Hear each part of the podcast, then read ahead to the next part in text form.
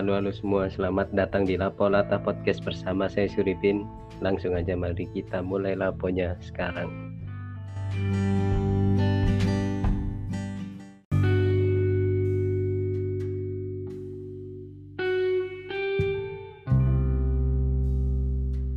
Nah, kali ini saya nggak sendirian, ditemani oleh tamu baik saya.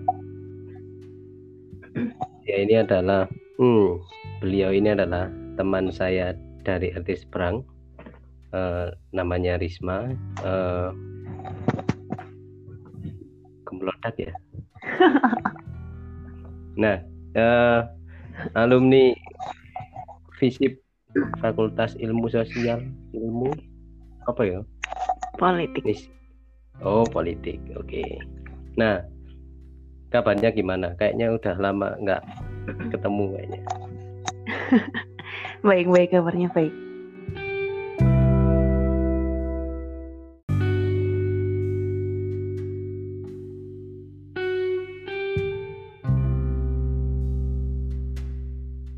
Nah, aktivitas belakangan ini ngapain? Cek biji lagi lanjut no. Oke. Okay. Nah, ya ya ya oke. Okay, okay. tadi habis ke putus. Mm -mm, oke. Okay.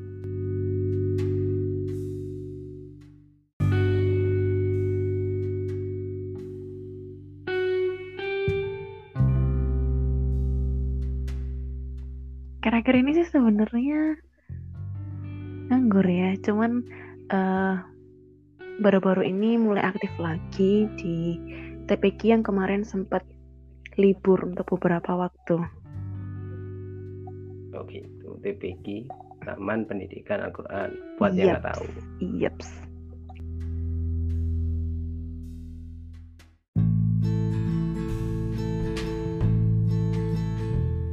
Ini karena uh, tamu baik saya adalah dari ilmu komunikasi di uh, Fakultas Fisip mau nanya dong uh, ilmu komunikasi itu sebenarnya secara garis besar itu uh, bahas atau melajari tentang apa sih? Oke sebelumnya tak nanya dulu deh kayaknya biasanya kalau dengar ilmu komunikasi dibayangannya apa? Uh, beberapa kalau saya sih dulu waktu awal lulus SM itu masuk komunikasi ya saya kira relate sama teknologi informasi dan komunikasi pelajarannya mm -hmm. di SMP SMA gitu. Mm -hmm. Nah teknologi terus, ya, ah, terus? Nah, terus ternyata lihat uh, beberapa temen seangkatan yang masuk komunikasi, ya, ilmu komunikasi, bilangnya awalnya loh kok no gak ada apa teknologinya atau nggak sesuai sama yang diharapkan gitu kok bahasnya politik kok bahasnya uh, apa istilahnya ya cara ilmu berkomunikasi bukan uh. yes ya kayak gitu jadi pengen awalnya teknologi ternyata dengar dari teman-teman itu sih gitu emang iya. hmm, sebenarnya ada benernya ada enggaknya sih uh -huh. jadi uh, komunikasi itu memang awalnya bahkan banyak yang ngira kalau komunikasi itu identik sama broadcasting bener nggak? Ya benar.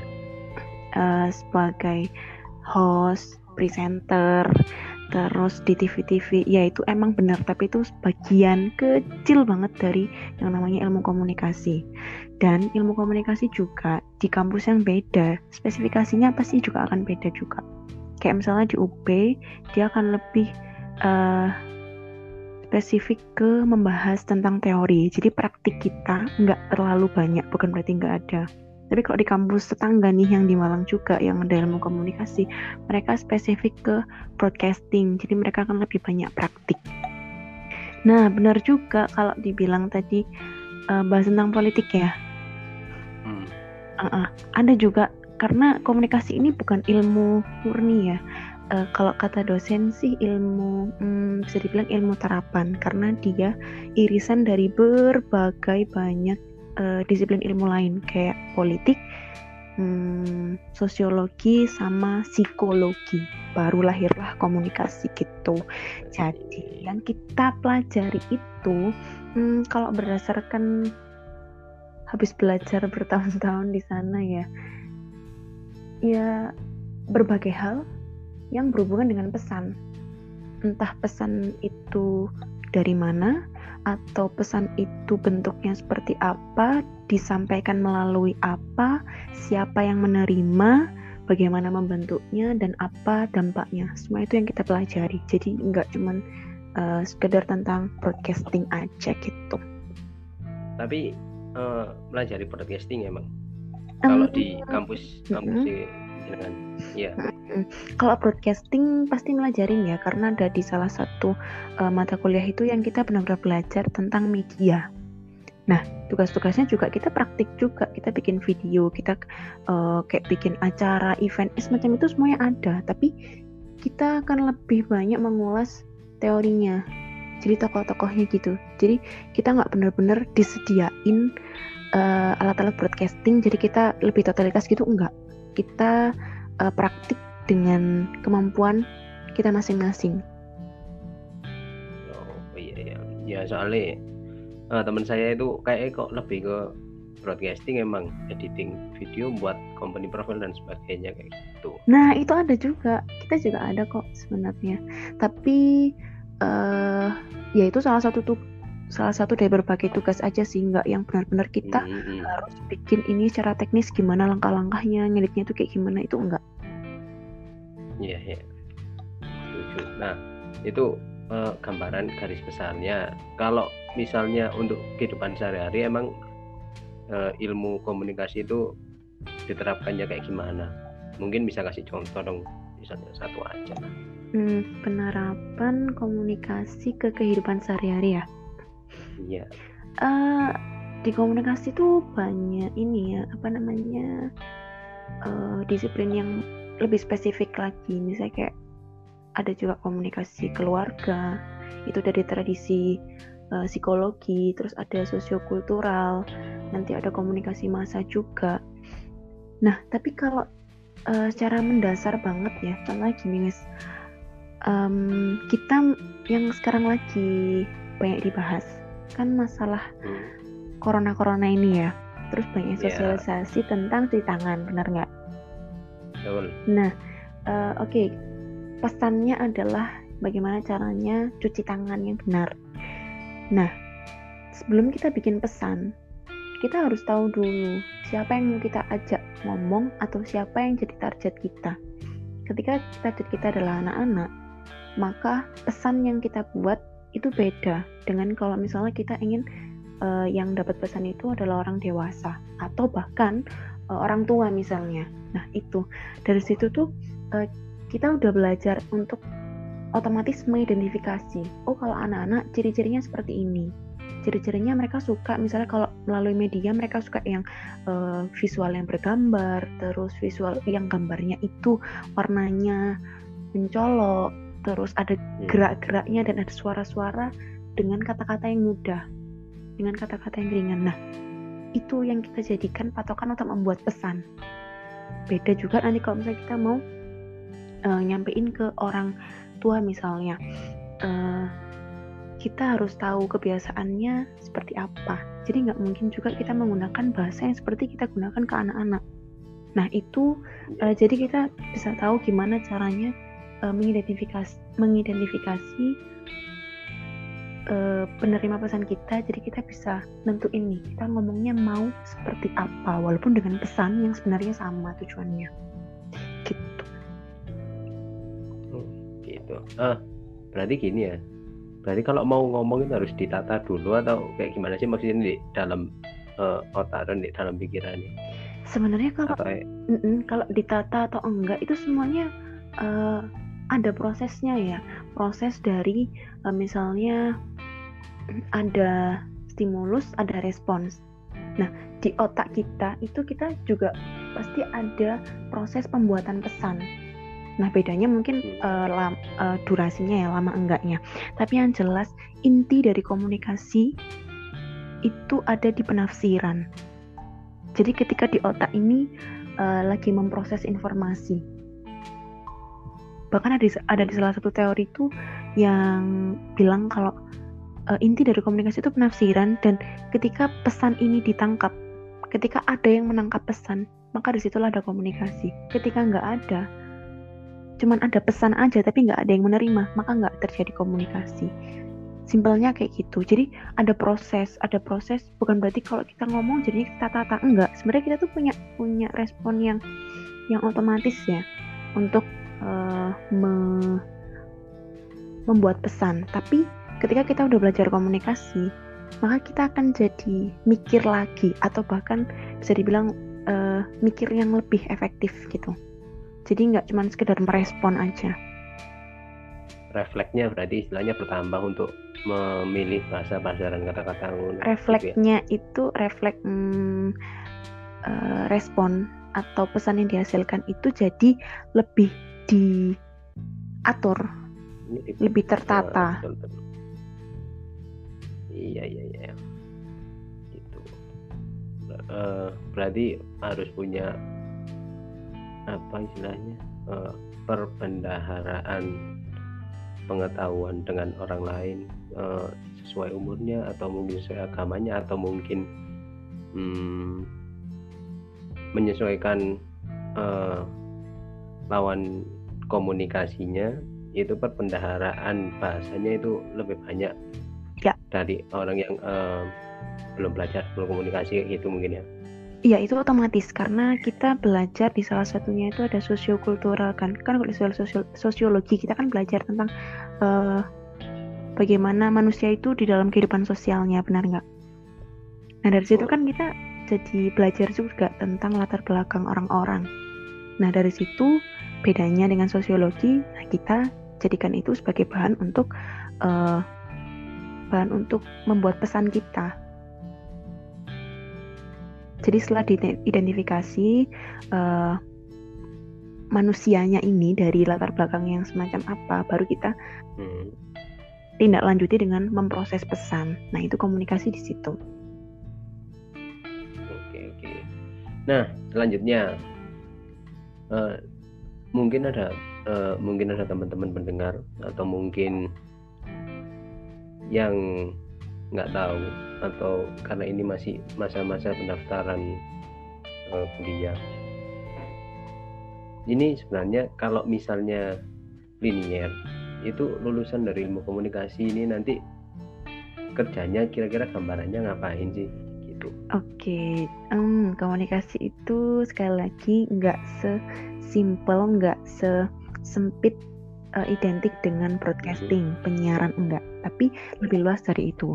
Dan yang jadi uh, banyak salah paham juga kalau biasanya teman-teman tuh ngiranya kalau orang komunikasi itu pasti dia pintar ngomong, pasti dia uh, biasanya jadi MC, pasti dia jadi host, hmm. pasti uh, mereka pasti akhirnya bakal pintar ngomong enggak.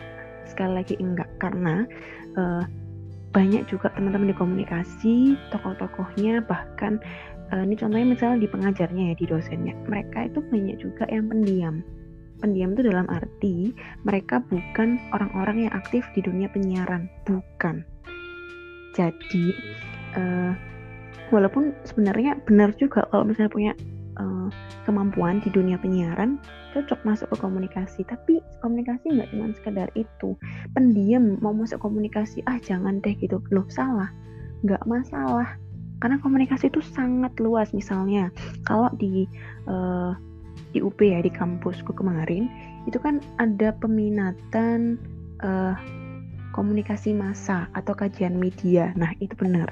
Itu masuknya bisa ke broadcasting, di serba penyiaran lah, bisa di radio, televisi, media cetak. Itu semuanya berhubungan dengan uh, media. Bisa jadi wartawan, jadi editor, jadi hmm, sekarang itu yang banyak dibutuhkan kan kayak misalnya uh, yang bikin desain ini, yang edit video, yang edit bla bla bla. Nah, itu seperti uh, ini masuk di kajian media. Itu banyak banget di sana. Terus satu lagi uh, ada oh ada dua lagi. Satunya um, manajemen komunikasi. Nah manajemen komunikasi ini cocok untuk uh, orang-orang yang suka jadi event planner. Hmm. bisa jadi io dia bisa uh, apa ya jadi vendor kayak semacam itulah intinya mengcreate sebuah event. Nah Terus yang ketiga itu uh, spesifik di public relations atau teman-teman biasanya bilangnya humas ya. Nah, humas Oh, ini iya, iya, ada di banyak hal. Di instansi pemerintahan pasti ada, di di sekolah pasti ada, di perusahaan juga pasti ada. Dan uh, institusi atau perusahaan yang sadar akan hadir, akan hadirnya humas, pasti mereka akan memisahkan antara marketing dan humas, marketing dan public relations pasti dipisah, gitu. Jadi sangat-sangat sangat Ya, karena fungsinya beda gitu ya. ya beda banget, Antara marketing sama PR. beda banget. Ya setuju kalau itu. Nah, terus untuk buka wawasan juga, kira-kira ada sosok atau figur di dunia ilmu komunikasi. Itu siapa sih? Mungkin ada beberapa eh, teman-teman baik saya pendengar yang nggak tahu atau mungkin bisa mau ngulik eh, orang figur di ilmu komunikasi itu siapa dan mungkin bisa membuka wawasan. Kalau ilmu komunikasi ini nggak sesempit yang mungkin saya pikirkan sebelumnya atau mungkin teman-teman baik saya pikirkan sebelumnya. Oke, em, kalau du, eh, kalau orang yang langsung terlintas ya ketika dibilang figur komunikasi, eh, nggak bisa dipungkiri kalau era sekarang itu zamannya halal yang serba viral di media sosial, yang banyak dikenal melalui Ya. media sosial dan eh, ini bukan berarti eh, aku punya ketertarikan khusus ya, tapi eh, aku melihatnya sosok ini itu adalah contoh yang hmm, baik, bagus, eh, dan enggak cuman sekedar disukai karena sedang tren, karena booming enggak. Contoh yang pertama itu Najwa Shihab.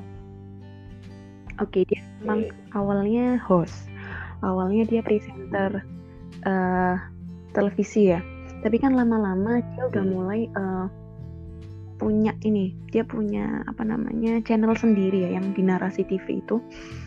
Nah dari sana bukan cuma sekedar bagaimana dia jadi host enggak kan, tapi dia itu udah mulai mengeluarkan unek-unek, udah mulai bisa mengarahkan eh, pendengarnya itu dengan apa ya? Kalau aku bilangnya itu eh kebebasan. Jadi dia udah mulai menyuarakan kebebasan pendapat-pendapat yang selama ini banyak ditelan sendiri oleh banyak orang. Nah, dia berani di sana dan juga satunya itu Deddy Corbuzier. Kalau dia emang Hmm. dia pakai cara yang beda ya eh, lewat podcast di YouTube gitu ya. Tapi intinya mereka berdua itu Hmm. eh, dari sisi konten nggak cuman sekedar cari hal yang gimana caranya bisa menjual mereka ke agar viral enggak, tapi mereka punya isi, mereka punya bobot yang kalau kita bisa kalau kita mau dengerin ya, hmm, mereka itu cerdas, kelihatan banget mereka itu cerdas, gitu. Oke, berarti udah disebutkan eh, beberapa figur yang mungkin dikenal emang sangat dikenal oleh Iya. masyarakat sih. Gitu.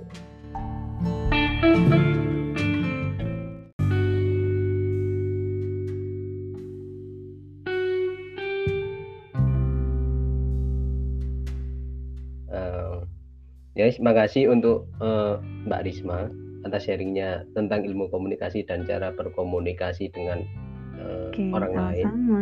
kayak gitu mungkin yang bisa diambil eh, itu nanti ilmu komunikasi itu nggak nggak nggak sempit Eh, kalau misalnya mau eh, profesi linier itu bisa di mana Mm-mm. aja nggak Iya. harus jadi MC terus figur-figur eh, yang istilahnya sudah bisa merefleksikan apa istilahnya? komunikasi. Nah, merefleksikan komunikasi itu eh, sudah disebutkan nanti ada eh, Mbak Najwa Shihab, ada juga Om Deddy Corbuzier kayak gitu.